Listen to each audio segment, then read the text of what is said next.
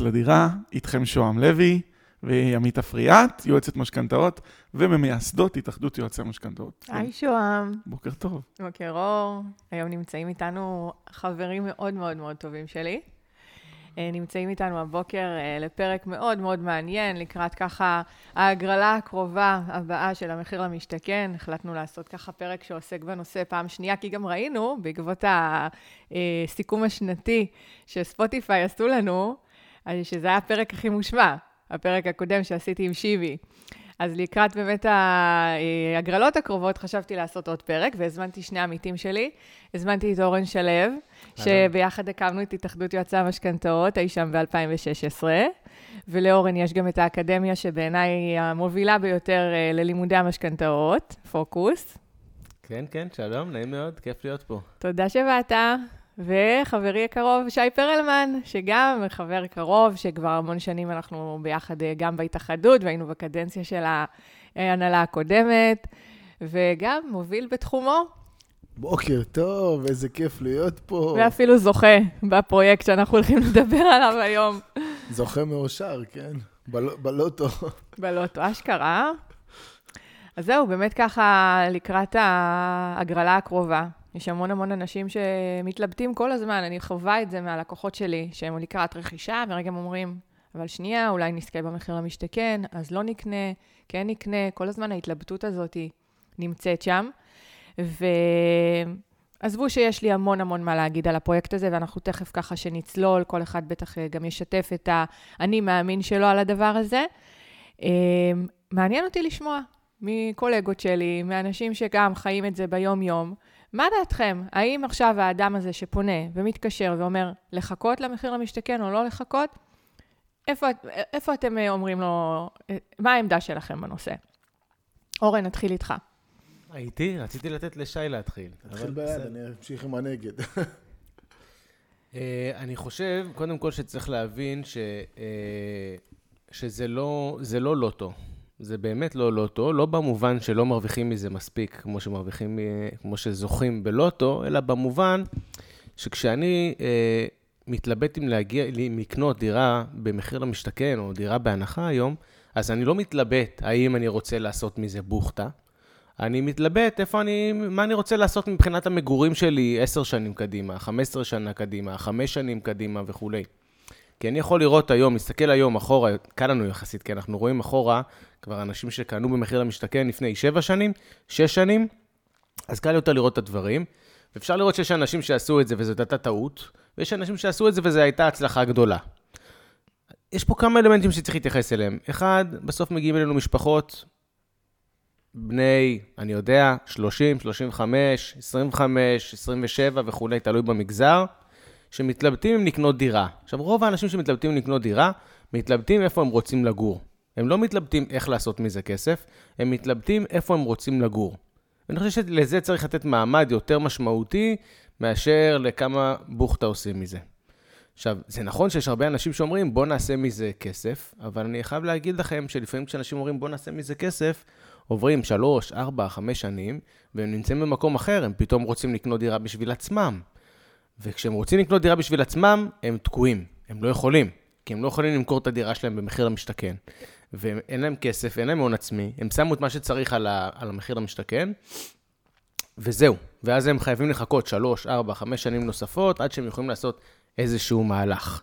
אז אני רוצה להסיט את הדיון מכמה בוכטה אני עושה במחיר למשתכן, לאיפה אני רוצה לגור, והאם מה שאני רוצה תואם את זה. ואז אחרי זה, אם אפשר לקנות במחיר למשתכן במחיר זול יותר, אז יכול להיות שזה רלוונטי, יכול להיות שזה מעניין. כן, אבל אתה יודע, פחות העניין של איפה אני רוצה לגור, אלא באמת השאלה של מחיר הכסף. אם בן אדם זכה אי שם ב-2016-2017 בדירה במחיר למשתכן, ניתן דוגמה, כי עכשיו התחלתי לקבל פניות על ראש העין, סוף סוף זכיות מ-2017 אה, מתקדמות להיתר, והם מתחילים אה, להזמין אותם לחתימת חוזים. אז גם פה אנחנו נחלק את התשובה לשתיים. אדם שמגיע לעסקה עם הון עצמי מינימלי, 100, 150, 200 אלף שקל, כנראה שאין לו אפשרויות אחרות, וזה באמת זכייה בפיס עבורו, וטוב שהוא המתין, ועוד פעם, גם לא היה לו אפשרויות אחרות, לא היה לו מה לקנות עם 100-200 אלף שקל. אין אפשרויות בישראל היום. עוד פעם, אם אנחנו רגע, נלך לאיזה דירת אה, השקעה בחיפה שעולה פחות ממיליון שקל, או דירת חמישה חדרים בראש העין שהוא המתין לה חמש שנים, והוא קונה אותה עכשיו במיליון שלוש מאות, בואו, אני חושבת שזה מאוד ברור שטוב שהוא חיכה. אבל אם היה לו סכום גבוה יותר, אם יש לו הון עצמי של חצי מיליון ומעלה, פה אני תוהה, האם היה נכון לחכות. וכאן אני אשמח שנעשה את הסיור מוחות הזה רגע, כי גם עדיין יש אנשים עם, שהם במצב הזה. לכן אני אומר שזה בנייה של אסטרטגיית דיור, זה לא להחליט, ללכת על מחיר למשתכן או לא, בסדר? אני אתן דוגמה אה, אמיתית של אה, מחיר למשתכן בראש העין ב-2000, אנחנו עכשיו 2022, נכון? Mm-hmm. אז 2000, אה, 2016. 2016, תחילת 16, עוד מעט הוא יכול למכור כבר. איך אני יודע שהוא יכול למכור עוד מעט? כי הוא דיבר איתי לפני חודשיים, הוא, אה, רוצה לקנות אה, דירה אחרת, אוקיי? אה, בית אחר, יותר נכון. עכשיו, באסטרטגיית הדיור של הלקוח הזה, הוא לא ידע מה הוא רוצה לעשות לפני שבע שנים, הוא לא ידע איפה הוא רוצה לגור, אז הוא אמר, אני לא יודע איפה אני רוצה לגור, יש לי סכום של כסף, בוא נקנה במחיר למשתכן בראש העין, אחרי זה נראה מה עושים, אחרי זה נחליט. אה, עכשיו, כשהוא רוצה לקנות את הדירה במקום שבו הוא רוצה לגור, אה, המחירים באותו מקום עלו עד כדי כך, הם עלו הרבה יותר ממה שהמחיר למשתכן נתן לו. וואו. ועכשיו הוא בבעיה, כי הוא ימכור, הוא יקנה, הוא יעשה את כל המהלך הזה, הוא יישאר עם חוב עוד יותר גדול. הוא לוקח הלוואות גישור גדולות, אין לו ברירה.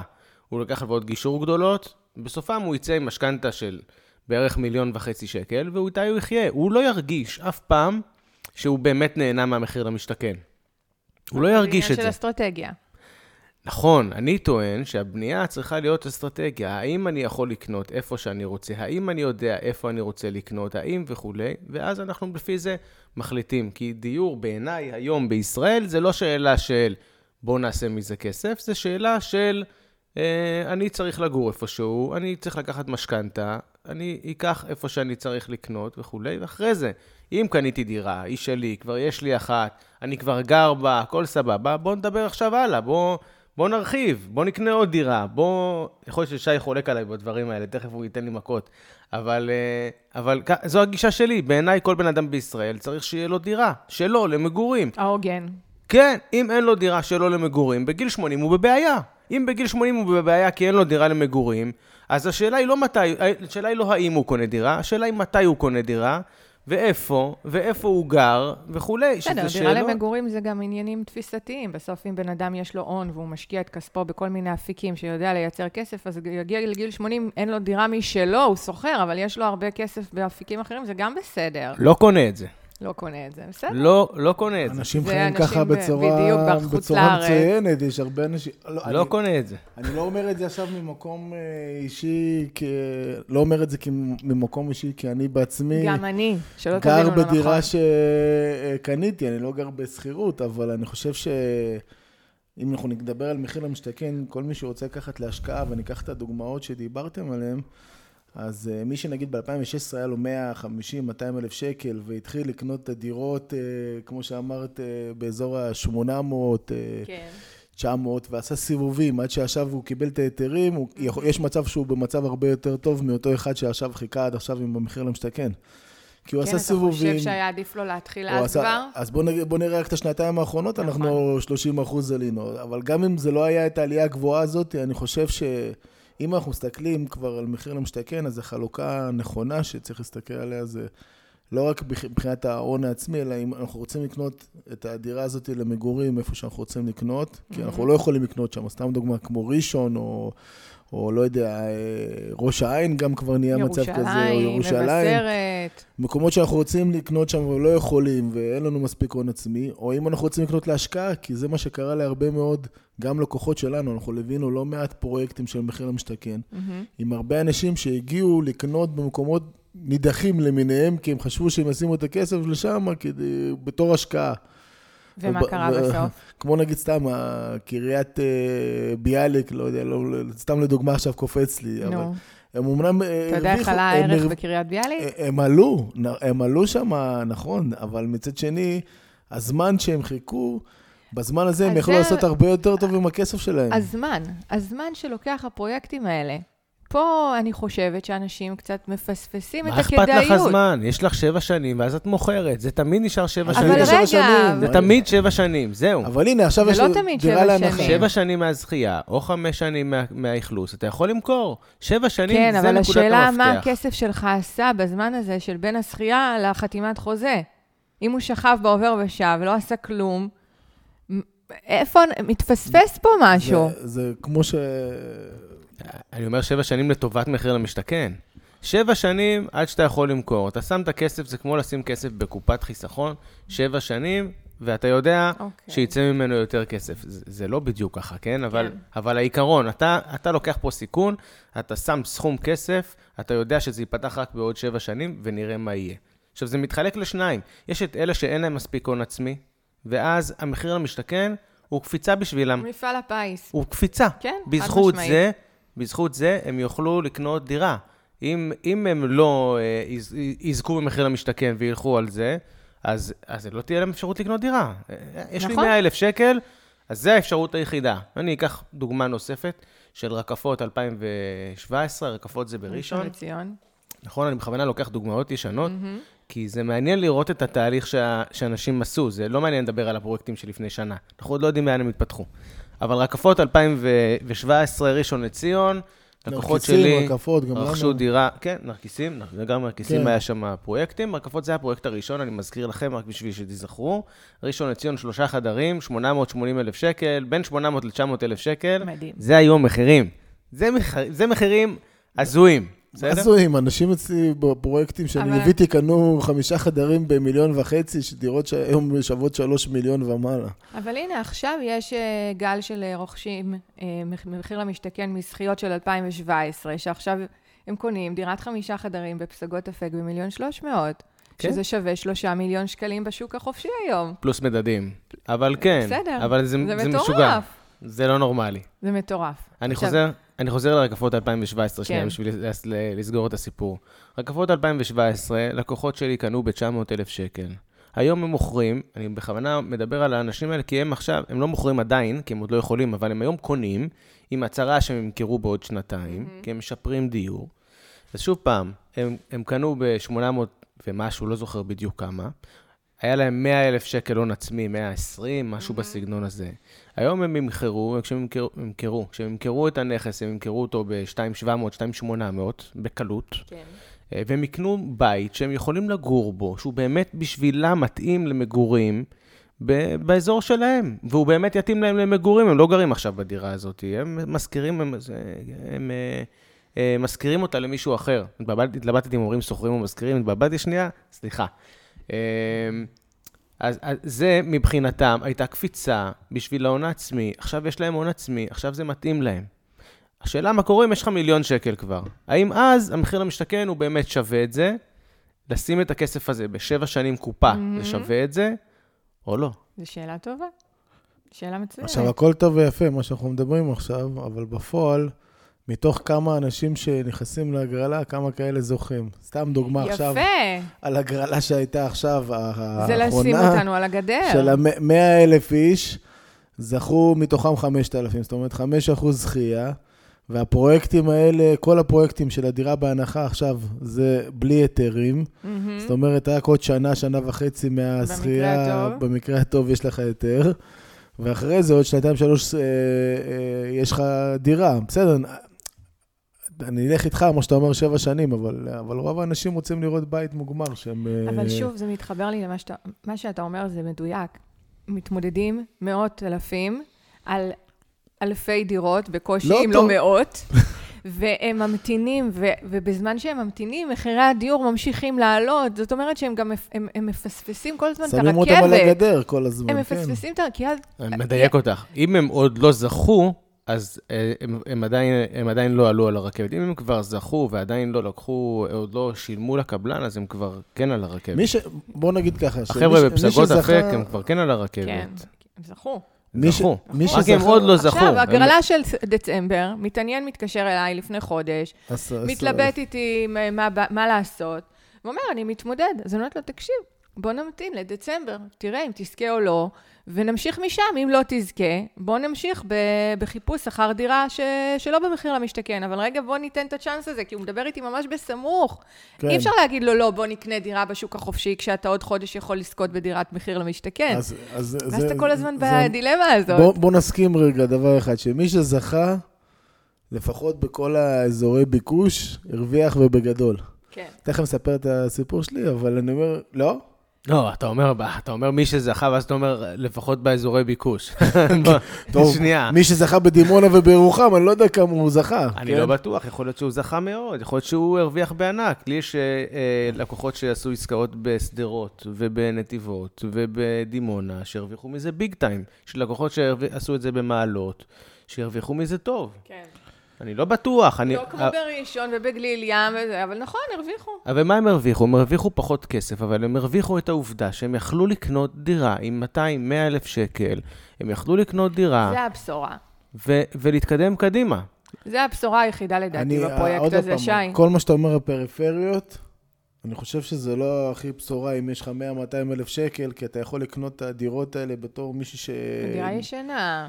בסדר, אבל מתגלגלים. אני, אני ליוויתי ומלווה עדיין פרויקטים של משקיעים, מהמם. שאנשים עשו סיבובים מאוד יפים באותו פרק זמן, ועשו הרבה הרבה יותר מאשר מאלה שחיכו. ו... זה חשוב אלה מאוד מה שאתה שזכו. אומר. סיבובים זה לא לכולם. אני, אני בסדר, בצד השני בעניין. הזה. בסדר. שמרן כזה. אני בצד השני בעניין הזה. אני, בסדר. אני אגב לא כל כך שמרן, אני בעד לעשות, אה, לקחת סיכונים, סיכונים יפים מאוד, אבל אני חושב שצריך להבין ש, שאצל רוב האנשים בישראל, דירה זה כמו, אה, זה כמו לחם, זה כמו קוטג', הם חושבים איך הם קונים את זה, איך הם שמים את הילדים שלהם, באיזה מוסד חינוך הם שמים אותו, איפה זה מתאים להם. הם לא חושבים, דירה, בוא נעשה בוכטות. אחרי שהם קנו דירה, הם חושבים איך אני אעשה מזה כסף. דירה, אבל אם אין לך דירה... או שאתה- לפני, אם- אגב. אבל אם אין לך דירה שאתה אתה רוצה נגיד לגור באזור המרכז, ואין לך את המספיק כסף לקנות, אז אתה מתמודד ב... במחירי, מש- מחיר למשתכן בפריפריה, לצורך העניין. אז זה אותו שווה ערך, אם נכון. היית עכשיו קונה את הדירה. הישנה ומתחיל... רגע, אני כמה איתך. אנשים, כמה אנשים אתה קנו צודק, שי. להשקעה? מסכימה איתך. אני איתך, זה לא להשקעה? סותר, לא סותר. אז אני... אז, אז, אז בגלל לא אני להמתין. בואו נגיד, בואו נסכים רגע לפחות על עובדה שאם מי שזכה באזורי הביקוש, מי שזכה באזורי הביקוש, אז הוא הרוויח ובגדול. אבל אנחנו רואים את זה מלקוחות של אה, כולנו מלווים. אז מה שאתה אבל- אומר בעצם, זה נגיד, ואתה מתמודד עכשיו על דירה בפריפריה, סטייל נתיבות, עפולה, אזורים כאלה, אתה תבוא ותמליץ, אל תחכה. תקנה עכשיו מה שההון העצמי שלך מאפשר לך, דירה ישנה, מעופשת, אתה תעשה את הסיבוב שלך שהוא יהיה תואם בערך אלא אם כן... הוא- לעליית ערך, אה, שתמתין שבע שנים למכירה. אלא אם כן, עכשיו. אלא אם כן, אתה- עכשיו, אלא אם עכשיו. כן אתה רוצה לגור שם, אז זה כמו משהו לא, אחר. לא, לא לגור שם.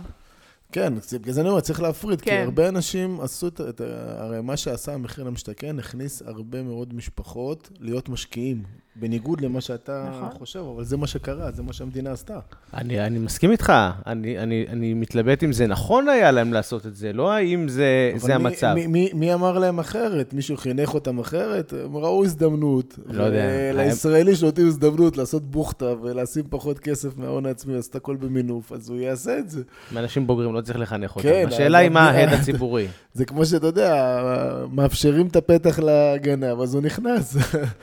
אין... אה, כן, יש לי הרבה לקוחות שזכו במחיר למשתכן, הגיעו אליי, והצלחנו לעשות איזושהי תוכנית, שחלק מההון העצמי עכשיו ישמש אותם לרכישה של המחיר למשתכן, והון עצמי נוסף לרכישת נכס נוסף. ומצד אחד עבורם זה. מפעל הפיס, זה פצצה, מצד שני, אני כאזרח במדינה, מתסכל אותי. כאילו, אני נורא מפרגנת ושמחה בשבילם, וכל אחד, אבל התוכנית הזאת מאפשרת לאנשים להתעשר, ויש אנשים שעדיין נשארים מחוסרי דיור. אני אגיד את זה וזה אחרת. כואב הלב על זה. אני חושבת שהתהליך של הבחירה, של ה... למי מתאפשר לגשת, הוא לקוי. כן. יש כל כך הרבה דברים שצריך לעשות אותם אחרת, ובאמת למצב סוציו-אקונומי וכל מיני בדיקות, אני אפילו ארחיק לכת ואגיד על ההורים מה יש להם, כאילו באמת, לעשות בדיקות מע- מעמיקות, שבאמת אנשים יוכלו לקבל פה אפשרות לקנות דירה. כשלאחרים... זה סובסידיה, זה נקרא סובסידיה, אם כבר סובסידיה, כן. ל- ל- אני- ל- לתת איזה שהם מענקים, כמו שהיה פעם, אבל לא אני- עכשיו בצורה של הגרלה, לשים אותם על הגדרות, כמו שאת אומרת, כי הרי כל העיקרון של ההגרלות האלה בסוף, זה סוג של לשים אה, ביקוש כבוש כזה, לא- לנסות להוריד את מחירי הדיור בכוח כדי לשים את האנשים על הגדר. בפועל אנשים אה, לא עד כדי כך מטומטמים. הרבה מהם גם מבטלים זכיות. אנחנו היינו עדים גם לזה שאנשים זכו וביטלו זכיות. כי אנשים לא מבינים שהרכבת דוהר ואתם לא רוצים להפסיד אותה. רוב האנשים שביטלו זכויות זה בגלל שהם קיבלו מחירים גבוהים יותר ממה שהם ציפו, והם לא יכולים להביא את ההון העצמי המינימלי, נכון. והם לא שמה. אה, אנשים שזכו במודיעין, למשל, הדוגמאות שאני מכיר, אה, במיליון 600, 700, 800, וזה לא... זה לא... צריכים 450 זה לא 100 אלף שקל, זה לא אה, אה, 200 אלף שקל, הם צריכים להביא 300, 400, 500 אלף שקל ואין להם מאיפה. אה, פה, פה צריך... אה, איך זה? מי שביטל, זה כן. אבל כאלה שביטלו ונגיד לא הגיעו אליך לצורך העניין, אם היו מגיעים אליך, היית מוצא להם פתרון. כנראה, כנראה זה ש... אם אין יכולת החזר. שי, איך? אם אין יכולת החזר, תמיד יש הורים, תמיד יש משפחה, כי זה באמת לזכות בלוטו. נכון. אני אגיד זה, אני אגיד את זה. בצ- בצורה שכולנו מסכימים עליה. אם זה טוב להם, היינו מוצאים פתרון. בדיוק. בסדר, נכון, אבל לא תמיד זה טוב להם, לפעמים זה גדול עליהם. לי יש אה, לקוח שהורדתי אותו אה, ממחיר למשתכן, למרות שזה היה פצצה, ממש פצצה, אבל, אבל הוא לא עובד, ואשתו לא עובדת, והם ככה איכשהו מנסים איזה... אז אמרתי לו, תשמע, בוא נשב עם אבא שלך, אם אנחנו יכולים אה, שאבא שלך ייקח על עצמו באופן משמעותי את, ה, את העסקה הזאת, אה, ותפצה אותו איכשהו על זה, אז אחלה, ואם לא, אז אתה לא יכול לעמוד בזה. ואבא שלו ישב איתי, ודיברנו, והוא הבין את הרווח העצום שבזה, והוא לא והוא החליט שהוא לא רוצה. וואו. אז לא, אז, אז לא, לא צריך, כאילו, מקווה שיש לו מה להוריש. לא, אבל... שלא לא, נתבלבל, הוא גר ביחידת דיור של ההורים כבר עשר שנים, הכל טוב, ההורים. עוזרים, אבל הם החליטו שזה מספיק להם, שהם, אה, שהם לא רוצים לעזור יותר מזה.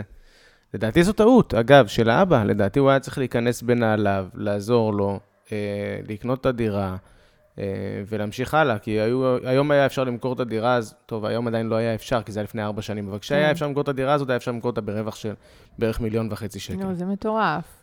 אה, זה כן. בכל מחיר צריך להיכנס לעסקה כזאת. נכון, אבל ההורים, אבל ההורים לא רצו, וההורים שלה לא, לא, לא בעולם כבר. וואו. אז, אז זהו, אז, אז לא היה אפשר.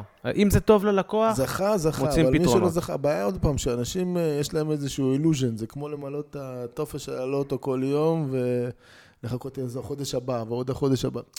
ובסוף אנשים מפספסים את הרכבת, כמו שאמרת, של הדוגמה עם הלקוח שלך. בסדר, עוד, עוד הגרלה בדצמבר. אני, כן, חייב להמתין ל- רגע לראות. לתת לזה את הצ'אנס, לתת לזה את הצ'אנס, אבל, אה, אבל לא, לא, לא לשים את כל ה... את כל הכסף על זה, לא לשים על זה את כל התקוות שלנו, בוא נגיד ככה, שזה מה שיוציא אותנו, כי יש פתרונות, יש ואנחנו רואים, אנחנו מכירים את זה, אנחנו מלווים לקוחות, אנחנו יודעים שאפשר לייצר, כל עוד זה טוב להם כמובן, כל עוד הם יכולים להחזיר, אפשר לבנות תוכנית, ואפשר, אה, אני הייתי עד וזכיתי להוביל אנשים להצלחות גדולות, בלי שיש להם אה, כסף, היום זה קצת יותר קשה. בעקבות העליית עליית הריביות, כן. ו... אבל... אה, מינופים יקרים יותר. נכון. שי, תספר לנו את הסיפור שלך. אז, אז יש גם את המשפרי דיור, שזה הרבה אנשים לא מכירים את זה. אגב, כל פעם שאני מספר את זה, אנשים אומרים לי, מה, אז איך, איך זכית במחיר למשתכן, שיש לך דירה? אז יש את המשפרי דיור, יש עדיין כאלה הגרלות, זה כבר ממש במיעוט לדעתי. לדעתי צריך להפסיק את זה. אנחנו נדבר עוד על, המקרו. על המקרו זה הזיה, אבל, אבל בסדר. אבל תש- תשמעי, זו הייתה הזדמנות שאנחנו אה, עשינו מהלך אה, ביבנה, הייתה לנו דירה חמישה חדרים, שמכרנו אותה ב-2.1, וזכינו בשישה חדרים ממיליון שש מאות שמונים. וזו דירה שהיא ממש אה, פחות מקילומטר, זה 300 מטר אווירי. זאת אומרת, זה ממש אחד ליד שנייה. פרויקט אה, טוב, שישה חדרים. זאת אומרת, השתדרגנו בחדר ונשארנו עם עודף. זה מטורף, שי. נשארנו עם עודף, וכל המהלך היה, תראי, זה לא שהדירה הזאתי, אה, אנשים שהיו צריכים, אנשים שרצו, לא יכלו לקנות אותה. זה, הדירות של המשפרי דיור זה בדרך כלל דירות שנשארות, שאנשים, הזוגות הצעירים לא יכולים לקחת אותן. אז בכל זאת, זה גם דרך, דרך אגב, לה, להוציא קצת את הביקוש, אז אם אתה שם את האנשים אה, לחכות ל, לעסקאות האלה, אז הם לא עושים מהלכים אחרים. אז אני אומר, כאילו, מבחינת המדינה. כן, אבל גם פה, קריטריונים של שיפור דיור, אם בן אדם גר באיזה שיכון מסריח, באיזה עיירה נידחת, בדירת חדר וחצי של 50-40 מטר, ויש לו הזדמנות פה שהמדינה מציעה לו איזושהי עסקה טובה, אטרקטיבית, לשפר את הדיור, אז וואלה, זה מבורך, הוא יכול לצאת, הוא יכול להתפתח יותר, הוא יכול, אה, אתה יודע. אז, אז כל מי שיש לו דירה... אבל פה עברת מ... סליחה, כן? נכון. עברת מבניין אה, באזור ביקוש, בקז. לבניין חדש יותר. עוד יותר טוב. אה, דירה, ו, ונשארת עם כסף בכיס, זה פשוט הזוי בעיניי שהמדינה נותנת לזה יד. על חשבוננו, כן? לא בקטע רע, לא, אישית אני, לך, אני בא, אני בא אבל לתת יש השראה פה, לכל מי אבל יש פה ששומע. ומקשיב, שיכול, או אולי גם אפילו רק- יועצים, חברים שלנו ששומעים. חבר'ה, תעשו פעולות, תעשו לא, אני. רוצה שהמדינה לא תאפשר את הפעולות האלה. אני רוצה שהמדינה, שמישהו, איזה שר עכשיו ישמע את הפרק הזה ויבין כמה זה. הזוי. עזבי, אל, אל, ת- אותו שר שישמע את הפרק הזה, לא בטוח שהוא יהיה שר ב- בעוד שנה, שנתיים. אבל אתה לא מבין על כמה. שזה מעוות? לא אתה מבין כמה שזה מעוות לא- הדבר הזה? לא זה מכעיס. אותי. יש כל כך הרבה אנשים במצוקת דיור, שאין להם אפשרות לקנות דירה, ואז בא בן אדם ומשדרג דירה של 200 לדירה של זה, ושווה מיליון שקל. זה, זה לא נתפס. והאזרח ב- ה- וזה ב- ב- בחסות אבל- המדינה. אבל- האזרח אבל- הנורמטיבי, שנורמטיבי במעמד סוציו-אקונומי גבוה יחסית, שקנה כן. בקריית אונו או בהרצליה דירת אה, ששווה שלוש, שלוש וחצי במיליון כן. שבע מאות, שמונה מאות, אה, גם באותה סירה, זה גם לא סביר, שלמה זה בכלל גם לא הגיוני. הערים האלה משתתפות? הרי ישב פה לפני רגע יושב ראש אה, לשכת השמאים, סגן היושב ראש. ודיבר על אזורי הביקוש, של כמה קשה לה, להתחיל התחלות בנייה בגלל המחיר, מרכיב הקרקע, ואותן ערים משתתפות בהגרלות האלה, ואנשים קונים אותם במחירים מאוד מאוד נמוכים. מה- איפה ההיגיון פה? אין, מי אמר שיש היגיון? שבאים עם חצי מיליון או 800 אלף שקל ומשכורות של 40 אלף שקל, למה הם צריכים לזכות בדירות האלה? סליחה, כן, כאילו... ההיגיון בגדול זה לשים את, אה, את רוב האנשים על הגדר, כביכול, כדי לנסות להוריד את הביקושים מהצד הזה. אבל אם רוצים לעזור, אם המדינה באמת רוצה לעזור לזוגות צעירים, באמת, כמו שאת אומרת, כן. זה צריך להיות קריטריונים וצריך להיות סובסידיה, זה, זה הכלכלה, כן? אתה חושב שזוג שמרוויח 40 אלף שקל בחודש צריך להיות אפשר, שיתאפשר לו בכלל להשתתף בהגרלות האלה? לא רק אני- אני חושב סובסידיה. שהפרמטר הוא לא כמה כסף הם מרוויחים. אני חושב שהפרמטר הוא כמה הון עצמי יש להם, ואני חושב שהפרמטר צריך להיות, זה, זה צריך להיות קצת, קצת שונה, כי רוב האנשים... אבל כמה הון אה, עצמי אתה יכול להסתיר, משכורת אתה לא יכול להסתיר. אני חושבת שהמשכורת היא כן פרמטר משמעותי. אבל אני לא רוצה למנוע מאנשים שאין להם מאיפה להביא הון עצמי, להתפתח למשכורות ופרנסה טובה. אני אתן דוגמה של אנשים שאני חושב שבאמת צריך לעזור להם, זה בדרך כלל, במדינה שלנו, זה בדרך כלל אנשים שהם עולים חדשים, אוקיי? אה, אותם אנשים, אין להם מאיפה להביא הון עצמי, כי ההורים שלהם לא עבדו והביאו הון עצמי, ואין להם סבתא שהייתה להם פה דירה, ואין... מהמם. בסוף חלק משמעותי מההון העצמי, תסכימו איתי, שלושתנו יועצי משכנתאות, מגיע דור אחד אחורה בדירה הראשונה. הרבה מהאנשים מביאים משם את ה... ולהם אין את זה. אין ולדור להם הבא את זה. בכלל לא יהיה. יהיה איך את לא ההלוואות יהיה? של ההורים. לא. יהיה את איך לא ההלוואות... יהיה? יהיה, בטח שיהיה. כן, את מדברת עכשיו על האחוזים של... ה-. אני מדבר על עולים חדשים. יהיה, עולים יהיה גם חדשים, לדור הבא. עולים חדשים, דור שני בארץ, ויש פה המון כאלה, לא. קצת, המון כאלה. שי פה איתנו, עולים חדשים, דור שני בארץ, אין להם הון עצמי. יש להם בעיית הון עצמי הרבה יותר גדולה. להם, אני חושב שהמדינה צריכה לעזור, כי הם צריכים לקנות דירה מתישהו. אני לא בטוח שהמדינה צריכה לעזור לכל זוג צעיר. אני לא בטוח שהמדינה, אני בטוח שהיא לא צריכה לעזור לכל זוג צעיר. אני לא בטוח שהיא צריכה לעזור לזוגות צעירים ש, הם, שיש להם הון עצמי נמוך והם שבע דורות פה. לא בטוח. אין להם מספיק הון עצמי, שיחסכו הון עצמי ויתקדמו הלאה וילמדו לחסוך לילדים שלהם. כן, אבל אם אין להם מספיק הון עצמי, זה כי כנראה אין להם את העזרה מההורים, והם יצאו בגיל 22-23 מהבית, התחילו לשכור במחירים המופקעים של מדינת ישראל, והם עובדים מאוד מאוד קשה, אבל הם לא מצליחים לחסוך, כי המחירי ההשכרה ובכלל יוקר המחיה פה לא מאפשר לזוג הצעיר, אלא אם כן הוא גר אצל ההורים חמש שנים, ואז הוא מצליח לחסוך איזה 100-200 אלף שקל, במקרה טוב שהוא באמת מתנהל בצורה מחושבת. נכון, אבל פה אנחנו פותחים את כל בעיות מדינת ישראל. נכון, אבל אני אומר שנייה כן לגבי חושבת ש... הנושא הספציפי הזה של דירה. בן אדם צריך לקנות דירה, העניין בדירה הוא העובדה שאתה צריך להביא סכום גדול של כסף הון עצמי. ולכן הרצון הוא לעזור, למצוא את הקריטריונים, ואולי הם Mhm. לא מושלמים, אבל למצוא את הקריטריונים, לעזור למי שאין לו את הדרך להביא מספיק הון עצמי. שוב, בלי לפגוע בזה, שאנחנו רוצים. שאנשים ימצאו ימצאו את הדרך מקום לחסוך. הגרלה. מענקים, אתה אומר. סובסידיה, מענק, כן. לפי זה- קריטריונים, נכון. להגיד, ב- אוקיי, אני ב- נותן לאיש הזה 300 אלף שקל עכשיו, וזה הספיק לו להון העצמי. הנחת היסוד היא שאנחנו יכול מעדיפים לקנות לא לעזור איפה שהוא לאנשים. רוצה. אבל שי. ואז אתה אומר, הוא יכול לקנות איפה שהוא רוצה. למה פה אתה לא עוזר לאנשים ב- במחיר למשתכן? זה בסופו של דבר, נכון, הוא יכול לקנות איפה שהוא רוצה, איפה שהוא יכול, כן? עם איזשהו מענק ראשוני. בלי נכון. להגביל אותו, הוא יכול ללכת לכרמיאל, הוא יכול ללכת לנהריה, הוא יכול... נכון. הוא יקנה איפה שהוא רוצה, הוא פשוט מקבל מענק, כי עוד פעם, עם 300 אלף שקל, הוא לא יוכל לקנות בקריית אונו, ולא בחולון ולא באף אחד בסדר. מהערים האלו, כי 300 אלף נכון, פשוט לא נכון. יספיק. נכון, אבל הוא לא יצטרך לנסוע לנתיבות, שהוא בכלל, אה, לא יודע, מאזור אה, הרצליה או משהו כזה. לא, מהרצליה, הוא אבל כן יצטרך. הוא כן יצטרך. כן, לא, הוא יוכל לבחור אבל אה, מקומות אחרים, שאולי קרובים יותר אליו, שהוא יכול גם להעתיק את המגורים, ולא רק לקנות דירה להשקעה. ואז יש פחות התערבות גם לקבלן, והוא לא צריך לקבוע לו סטנדרט בנייה, וכל מיני, זה באמת מעניין לעשות כזה מהלך של מענקים. והיה את זה גם בעבר. כן, מענק ירושלים, היה בעבר. מענקים של פריפריה, היו בעבר. אה, אבל בעיקר בפריפריה.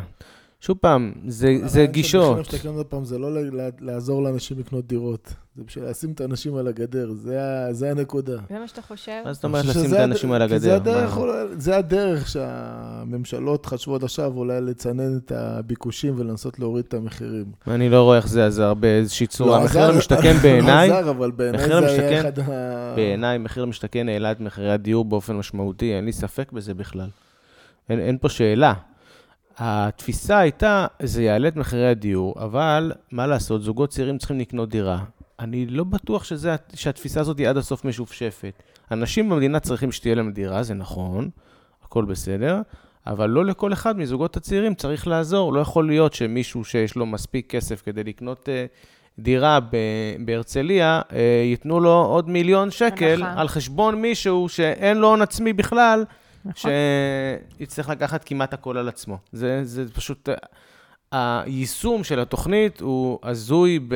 מעוות. הזוי בעיוות שלו, כן, הוא גרוע מאוד. תגידו רגע, לפני שזמננו נגמר, אולי ניתן כמה כלים לכל מי שזוכה עכשיו בתקופה הזאת, עם הריביות שעולות, בבקשה. עם הטירופים האלה שקורים עכשיו בשוק שלנו. נכון? מה אתם אומרים? מוזמן. יאללה. יאללה, אני אתחיל. אז קודם כל, אנחנו יודעים שהריבית אה, עלתה שלוש אה, ורבע אחוז בתקופה האחרונה, שזה משהו הזוי, זה לא קרה ב-20 שנה האחרונות, ואנחנו עדיין לא בסוף. אנחנו אמנם מתחילים להרגיש אה, שאנחנו מתחילים לגרד את החלק העליון, אבל עדיין לא בסוף. וכל מי שקונה עכשיו את הדירה צריך לשים לב ל- לתשלומים שלו לקבלן, מבחינת ה... פעימות שהוא צריך לשחרר, אה, איזה חלקים הוא צריך לשחרר, נכון? ו... ויש את החוק החדש של מדד תשומות הבנייה שנכנס. תודה על החוק הזה. גם כן עוד משהו מעוות לחלוטין שהיה. לדעתי עוד לא נכנס, נכנס כבר? נכנס, 40%, בוודאי. אה, החוק הזה, כן, בסדר, יש עוד חוק שבדרך, כן. כן, אבל... עוד אבל משהו מעוות, אנשים חטפו שם בוכטות של כסף לשלם, על כן. מה, על מה, באמת? אבל עכשיו הם לא... איזה- עכשיו הלחץ של ה... יש פה קצת בעייתיות עם חוק רטרואקטיבית, זה לא כזה פשוט, יש פה גם חוסר הגינות כלפי הקבלנים, אבל אה, אני לא אבל חושבת. שיש חוסר הגינות. כשאתה אה, לוקח מדד תשומות על בנייה על מרכיב של קרקע, שבאמת, כאילו, אתה מכליל אותו בעלויות שלך, זה אבסורד. אתה לא אבל, משלם כרגע, על אבל, זה. כרגע, אבל כרגע אני אומר הם ש... מרוויחים גם ככה מספיק. נכון, אבל אל ת- לשנות את כללי המשחק באמצע זה קצת מורכב. אני לא, אני לא חושב ש... אני חושב שיש להם מאיפה ל- להפסיד את הכסף הזה, כי הם מרוויחים טוב, אבל זה לא אומר שזה הוגן לדרוש מהם להפסיד אותו. כן, וזה הוגן לא לאפשר לזוכים, המסכנים, הצעירים, לא להקדים תשלומים, אבל אה. ברגע שעלויות המימון עולות, ומדד תשומות הבנייה מהם. מתמתן, פתאום לשלוח להם מכתבים, בואו. תקדימו, אנחנו מאפשרים לכם. זה הוגן? לא, אבל זה די, לא, די, זה לא נמאס כולל לי אחד עם מהתחושה השני. הזאת שאנחנו על בובות על חוט של כל העשירים במדינה הזאת. נמאס לי מהתחושה הזאת. זה מתסכל אותי כל פעם שאני פוגשת את את זה. יכולה להיפטר ממנה, ברגע, את יכולה פשוט לא? להסתכל על העולם ככה. לא, לא, להיות זאת לא להסתכל על זה. ככה. לא? אני לא חושב שאני הולך להיות מעשיר. זאת שמושכת בחוטים, אה? אני לא אוכל. כי אני לא, אני אדם של אה, חמלה ואני אדם של הוגנות, אני אפשר לא אוכל להיות אפשר- כזאת. אפשר, אה, אני לא, זה אני לא זה לא חייב להיות סותר אחד לשני. אני חושב שאפשר גם להגיע למצב של רווחה כלכלית ועדיין... אה, אה, לא, זה בוודאי. לא, יש הבדל בין רווחה כלכלית לבין. עשירי המדינה. אני, שי. אז רגע, אז נחזור רגע למדד... הרי לפני שנכנס החוק החדש, היינו תמיד מדברים, היינו ממליצים הרבה לאנשים לה- להקדים, למי שיכל, כן? להקדים את כל התשלומים. אבל היום במצב שנוצר, שהריביות עלו והמשיכו עוד לעלות, ומדד תשומות הבנייה מצד שני. מתרס- מתמתן, וגם בפרויקטים החדשים הוא משמעותית נכון. נמוך יותר, אז כבר לא בהכרח להקדים את כל התשלומים. מה שכן, ברגע שיש אופציה שכן... מה עם עליית הריבית לאורך אז התקופה בדיוק, הזאת? אז כן כדאי למשוך קצת, אבל לא למשוך את כל הסכום, כמו שהייתה ההמלצה הרווחת בשנה, שנה וחצי האחרונות. אולי לא את הפריים? לא, את הפריים כמעט בטוח, את הפריים, את הפריים אני, גם ש... גם שהם אפשרות להקדים, אני ברוב המקרים הייתי אומר לאנשים, תשאירו את זה לסוף בכל מקרה. אבל הריביות הקבועות, צריך לראות, היום אפשר אולי כן למשוך איזשהו אה, חלק. אגב, גם יכול להיות בגלל שאנחנו היום רואים שהמרווחים של הבנקים מאוד מאוד נמוכים, למרות ש... ועלויות הגיוס הן גבוהות, אז אפשר אולי למשוך קצת, לפחות לקבע את המרווח של ה... כל התיק של המשכנתה. חלק זה קטן איזושהי אולי. ריזיקה שאתה לוקח. אתה מקבע מרווח בהנחה ובתקווה שאיפשהו במרוץ התשלומים הריבית להם עכשיו, תרד. אני מדבר עכשיו מי שזוכה עכשיו, כן. לצורך העניין, ונכנס כבר, ל... לפני שנה זכה לצורך העניין, ונכנס כבר, קיבל היתר ונכנס לתהליך של הבנייה, שזה שנתיים, שלוש פעימות שיש לו. מהמם. אז אולי כן שווה למשוך קצת, אבל לא את הכל, זה בטוח שזה לא ההמלצה, לפחות לא שלי היום. אה, חושב ש... עוד פעם, אתה לא יכול לדעת מה יהיה עם הריבית. אתה סגרת לו עכשיו אה, 4-8, ובפעימה הבאה, עוד חצי שנה זה יכול להיות אני יודע- 5-5. אני עד ארבע וחצי... או שש. או אצ- שש, אתה לא אצלי יכול התקרת לדעת. זכוכית זה ארבע וחצי, בקלץ ארבע אין שש. אה, תקרת זכוכית, נשמה, בוא. לא לוקח, ארבע שמונה, ארבע תשע, אז חמש... אתה לוקח לא חלופות אחרות. לא- לא. ניכנס לזה. כן. אמ, כן. מה עוד יש לנו המלצות שאנחנו יכולים לתת לחבר'ה שנכנסים עכשיו ל... בוא, נדבר על, אמ, על, אה, אה, המלצות לשאלה האם, אה, האם לקנות, או איך מחליטים אם לקנות. זה אמ, המהות של הפרק. כן, אז בוא, בוא, בוא נשים את זה בתוך, בתוך מסגרת. בעיניי השאלה הראשונה שמי שצריך, שמי שמתלבט אם לקנות דירה במחיר המשתכן או לא, צריך לשאול את עצמו, זה איפה הוא רוצה לגור. בלי קשר לפרויקט הזה. איפה הוא רוצה לגור? אחרי שהוא שואל את עצמו איפה הוא רוצה לגור, יש שתי אפשרויות, או שאיפה שהוא רוצה לגור יש פרויקט, או שאין פרויקט. אם יש פרויקט, זה אוטומטית נהיה מעניין. אם אין פרויקט, הוא צריך לחשוב מה קורה איתו, מבחינת המגורים שלו בשבע שנים הקרובות, והאם זה נסבל, האם זה נורמלי, האם הוא יכול להתמודד עם זה, או שזה יהיה too much. Uh, בתוך זה צריך לחשוב גם על הילדים. בדרך כלל כשילדים כבר בתוך מסגרת חינוך, יותר קשה לך לגור איפה שאתה לא רוצה לגור בו. Uh, וגם על השכירות. כמה אני משלם שכירות, האם זה שווה את זה ביחס למה שאני הולך להרוויח במחיר למשתכן, וכולי.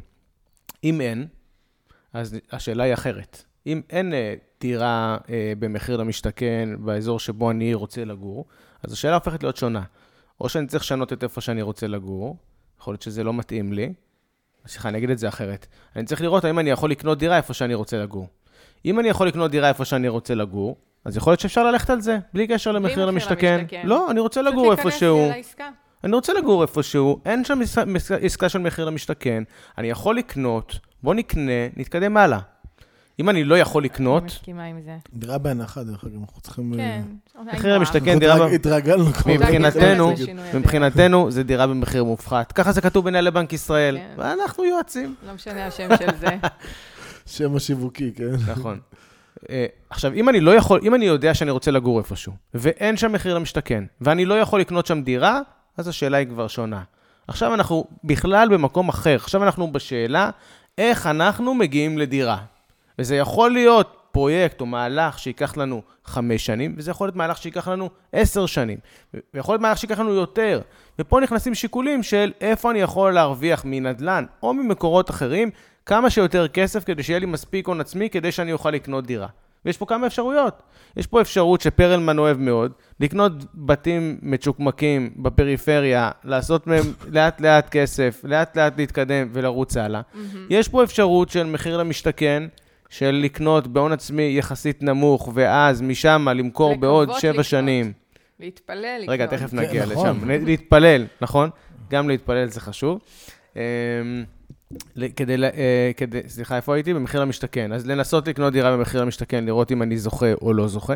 ויש פה את האפשרות של לשים את הכסף שלי במקומות אחרים, שגם יכולים להניב מספיק תשואה, או תשואה טובה וכולי, ומשם להתקדם. זה כבר שאלה של אסטרטגיה, איך אני מגיע למספיק כסף הון עצמי, ותוך כמה זמן אני יכול להגיע לשם. בעיניי זה השיקול, ככה צריך לקחת אותו. עכשיו, על כל הדברים האלה, יש גם שאלה, איזה פרויקט בתוך מחיר למשתכן אני בוחר? שאם אני יודע שיש מחיר למשתכן בראש העין ואני רוצה לגור בראש העין, אין שאלה איזה נכון, פרויקט אני לוקח, נכון. נכון? אני יודע, מה שאני רוצה זה בראש העין, בוא נתקדם הלאה. אבל אם זה בשביל לעשות את הקפיצה הזאת, ושי אמר קודם שהרבה מאוד מהאנשים שנכנסו למחיר למשתכן נכנסו בגלל זה, כדי לעשות את הקפיצה הזאת, אז אנחנו צריכים להיות מסוגלים לחשוב איך אנחנו בוחרים בצורה טובה את הדירה שתהיה הכי רלוונטית. שם יש כמה. פרמטרים, זה נכון? קשה לבחור, כי זה אתה גם. יש הרבה מידע שהוא לא נגיש שמה, לך. מדבר- אתה מדבר שתעזור רוב, לנו לקפוץ רוב מידע רוצים. נגיש. רגע, אתה מדבר על זה ש... שתהיה דירה שתעזור לנו לקפוץ לדירה שאנחנו רוצים? אם אני רוצה להרוויח ממחיר למשתכן, עזוב שנייה את הדיון הפוליטי או המדיני, האם זה נכון שאנשים רוצים להרוויח מהמחיר למשתכן בשביל הדירה הבאה שלהם. עזוב שנייה את הדיון הזה. אם אני רוצה להרוויח ממחיר למשתכן, אני צריך להסתכל על פרמטרים ברורים שיעזרו לי לראות איך אני עכשיו עושה את זה. זכיתי, ואני צריך לבחור אה, לוד. זכיתי, אה, אבל, אבל אם, אם אני מראש רוצה לגור ב, ב, במרכז ו, ונרשמתי להגרלה ב, באשקלון, אז אני לא קניתי את הדירה בשביל לגור שם. בסדר, אבל השאלה עכשיו היא... שאלה אם ללכת על אשקלון או על השדרות. כן. בסדר? עכשיו, שמה יש יחסית הרבה מידע ברשת, פתוח, שאפשר להסתכל עליו. קודם כל, לראות מה הסיכויים שלי לזכות במקום מסוים. אני ניגש ביחס למחיר... לכמות שנרשמים להגרלה? כן, מה האחוזים? מה האחוזים שלי להיכנס להגרלה הזאת, לזכות בה? זה פרמטר מאוד חשוב. יש את הפרמטר של אה, אם אתה בן מקום, אז זה נותן לך עדיפות. נכון, זה זה בתוך בסדר הסיכויים. שאתה גר בתל אביב, ואתה יכול להיות בן מקום נתיבות, זה מגדיל לך את הסיכויים. נכון, למרות שאני יוצא מנקודת הנחה, אולי, אולי שגויה, שרוב האנשים שניגשים למחיר למשתכן במקום שבו הם גרים, כנראה גם רוצים לגור בו לא בהמשך. בהכרח. הנחה שגויה. אמרתי שאולי היא שגויה, אבל אני חושב שהיא נכונה באחוז גבוה. יש להם איזושהי זיקה. אבל, אבל אני אגיד לכם, חבר'ה, בגדול, דעתי זה שמי שרוצה לקנות דירה להשקעה במחיר למשתכן, אני חושב שזה פחות רלוונטי. כן? אתה בא ואומר, אני חושב אומר, שזה אני פחות. נגד הפרויקט מחיר ב- למשתכן, דירה בהנחה. זה מה שאתה אומר, שי? לא, אמרתי לה- להשקעה. להשקעה. להשקעה. כי מי שבא ל... ברמה של עכשיו אני רוצה להגדיל את ההון העצמי כדי לקנות דירה במקום אחר. זה לא הכיוון הנכון לדעתי עבורו. אוקיי, בוא נדבר על... כי גם יש, עוד פעם, אנחנו כל הזמן מדברים וזה, אבל אתה אומר שבע שנים, אבל בוא, בשבע שנים האלה יש לך הוצאות שכירות, וגם אתה קונה דירה, יש לך עוד הוצאות שאתה קונה את הדירה, אנשים לא יודעים את זה. יש הרבה. הזה יכול להיות שבע שעות. נכון, לגמרי. אבל בוא, בוא נתייחס שנייה לדברים האלה, בסדר? יש לי, יש לי הוצאות שכירות ויש לי משכנתה, אז אני שואל, אה, ויש לי גם הכנסה של שכירות, נכון? לא, עוד לא. אין. באיזשהו שלב, בתוך באיזשהו השבע שלב, שנים. אבל מה קורה בשבע שנים. האלה? יופי, אז רגע, יש לי פרויקט, שנים. שבע שנים. שנייה, יש לי המון פרויקט. זמן. שבע שנים. מה ההוצאות שלי בשבע שנים? מה ההכנסות שלי מאות בשבע אלפי שנים? שקלים. נכון, אבל צריך לכמת את זה. כמה הוצאות יש לי בשבע שנים האלה? כמה הכנסות יש לי בשבע שנים האלה? אין הכנסות. למה? איך אין אין הכנסות? הכנסות. מהדירה שרכשת? כן. רק שהיא תהיה מוכנה. מתישהו היא תהיה מוכנה. אבל אנחנו מדברים על הכאן ועכשיו, ומה ששי בא ואומר, כלהשקעה, לא. הוא ממליץ לקנות דירה קיימת, בכדי שתתחיל להכניס שכר דירה במיידי כנגד המשכנתה שאתה משלם, ותראה תוך שנתיים עליית ערך, ותרצה למכור, תמכור, ותתגלגל לעסקה הבאה שלך, ולא תהיה כבול בשרשראות חמש עד שבע שנים, מבלי לראות שקל. ונכון שבתום השבע שנים האלה, יכול להרוויח מיליון שקל, אוקיי? אבל בתיאוריה. בזמן הזה, אבל שבע שנים, אני חייב לגור בשכירות. וזאת הנקודה, זה מה בכל שאמרנו מקרה. קודם. שבע שנים, אתה חייב לגור, לא, אם אתה קונה בש... להשקעה במחיר למשתכן, כן. אז שבע שנים אתה גר בשכירות. נכון. אתה לא תקנה דירה אחרת. או יותר נכון, חמש שנים, ואז שנתיים אחרונות אתה יכול להצהיר וזה, אבל סבבה. אנחנו כבר לקראת הסוף. אני מסכים, זה באמת פלונטר, אבל עדיין זה פרויקט. יש לי שבע שנים הוצאות לפרויקט, הכנסות לפרויקט. אם הפרויקט הזה רווחי יותר מאשר לקנות דירה בפריפריה ולעשות את אותו דבר שבע שנים, אז הוא רווחי יותר. אי אפשר להתווכח עם זה. אם אני יכול לעמוד בו תזרימית והוא רווחי יותר, אז הוא רווחי יותר. זה הנקודה. עכשיו, אני חושב שאחד הדברים שאנשים פחות עושים היום, לפני שהם מחליטים ללכת על, על דירה במחיר למשתכן, זה בודקים כמה הם מרוויחים ממנה היום. לא בעוד שבע שנים, לא עם עליית הערך. Mm-hmm. בנדל"ן אנחנו אף פעם לא מתייחסים ל...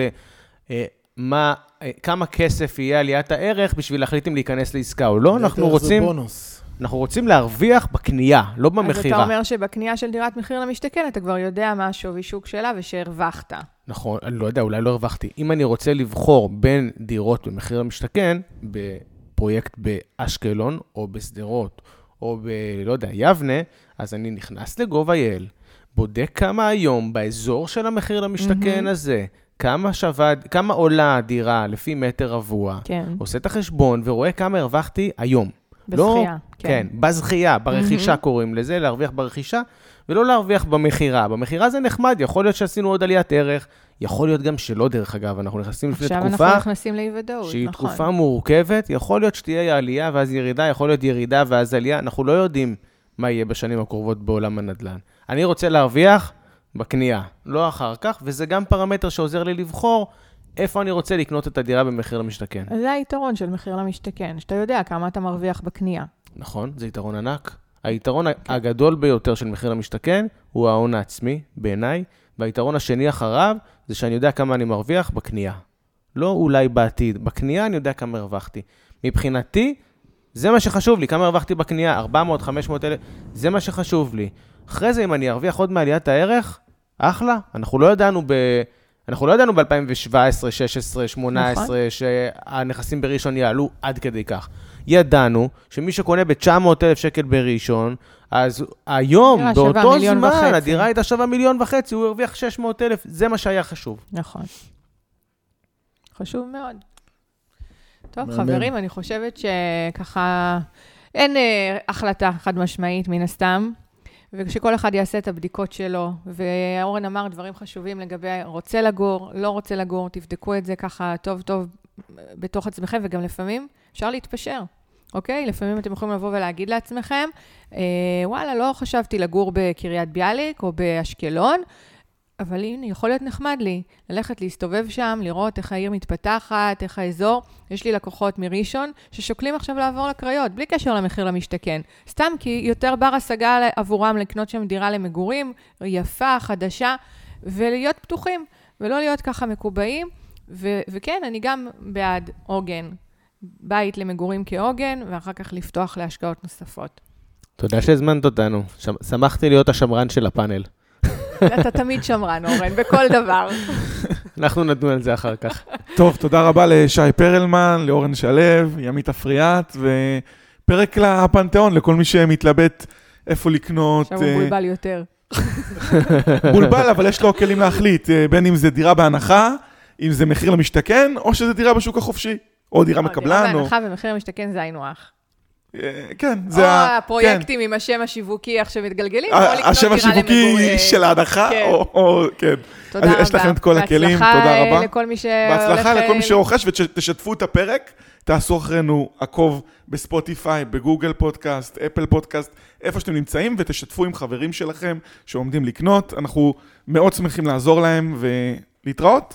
ביי ביי.